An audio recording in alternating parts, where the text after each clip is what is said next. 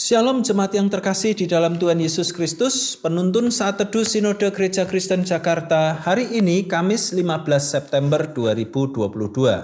Menemukan solusi terbaik. Nas terambil dari Yunus pasal 1 ayat yang ke-11 sampai ayat yang ke-17. Bertanyalah mereka akan kami apakan engkau supaya laut menjadi reda dan tidak menyerang kami lagi, sebab laut semakin bergelora.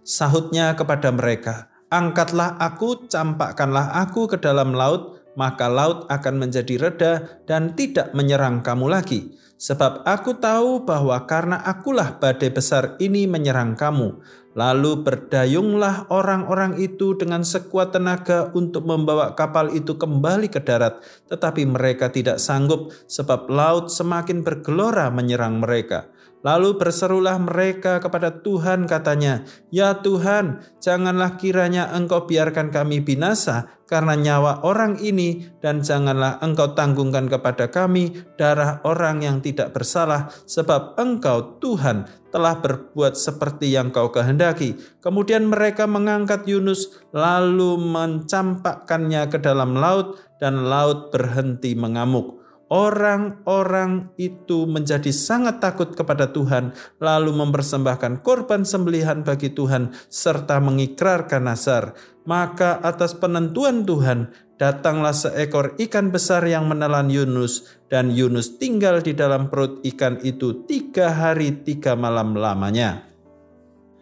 Dalam melakukan pekerjaan yang besar, terlebih lagi pekerjaan misi yang bertujuan memenangkan dan menyelamatkan banyak jiwa, hendaklah memiliki perspektif dan asumsi yang tepat.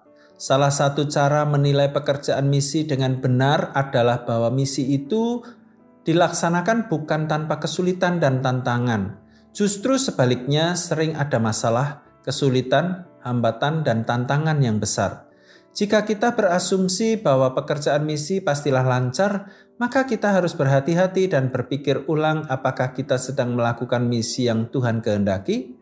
Perenungan kita memaparkan satu fakta bahwa walau Yunus tidak taat dalam panggilan misinya dan melarikan diri, justru segalanya kelihatan lancar, misalnya tersedia kapal bagi pelariannya.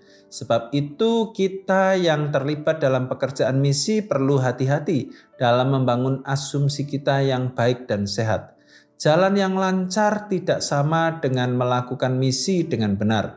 Sebaliknya, kita bisa saja menghadapi banyak masalah dan kesulitan, namun kita sedang mengerjakan misi Allah bagi sesama. Tentu saja, dalam menghadapi kesulitan, kita perlu tetap optimis dan bertahan mencari solusi yang terbaik untuk atasi masalah dan tantangan dalam pekerjaan misi. Adapun yang menjadi tujuan mencari solusi yang terbaik dalam pekerjaan misi adalah agar kita bisa tetap pada panggilan kita, tidak menimbulkan akibat yang merugikan diri sendiri, orang lain, ataupun ladang misi yang kita layani. Pekerjaan misi terhambat bisa karena berbagai faktor, di antaranya dari internal maupun eksternal. Apa pun bentuk tantangannya, maka kita bertanggung jawab sepenuhnya untuk melakukan yang terbaik agar masalah tidak berkembang dan berkelanjutan.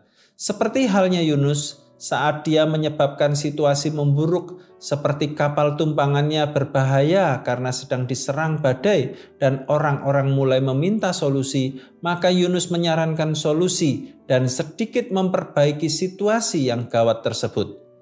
Hidup dalam ketaatan pada panggilan misi Tuhan tidaklah selalu lancar dan berhasil karena ada banyak faktor yang sulit dan bersifat menghambat. Mari kita perbaiki visi, asumsi, dan perspektif kita kita tidak boleh menyerah saat ada tantangan dan kesulitan, tetapi terus berusaha melakukan yang terbaik, terus berkontribusi pada pekerjaan misi. Hidup berkontribusi memberikan solusi terbaik sesuai panggilan Tuhan. Selamat beraktivitas, Tuhan Yesus memberkati.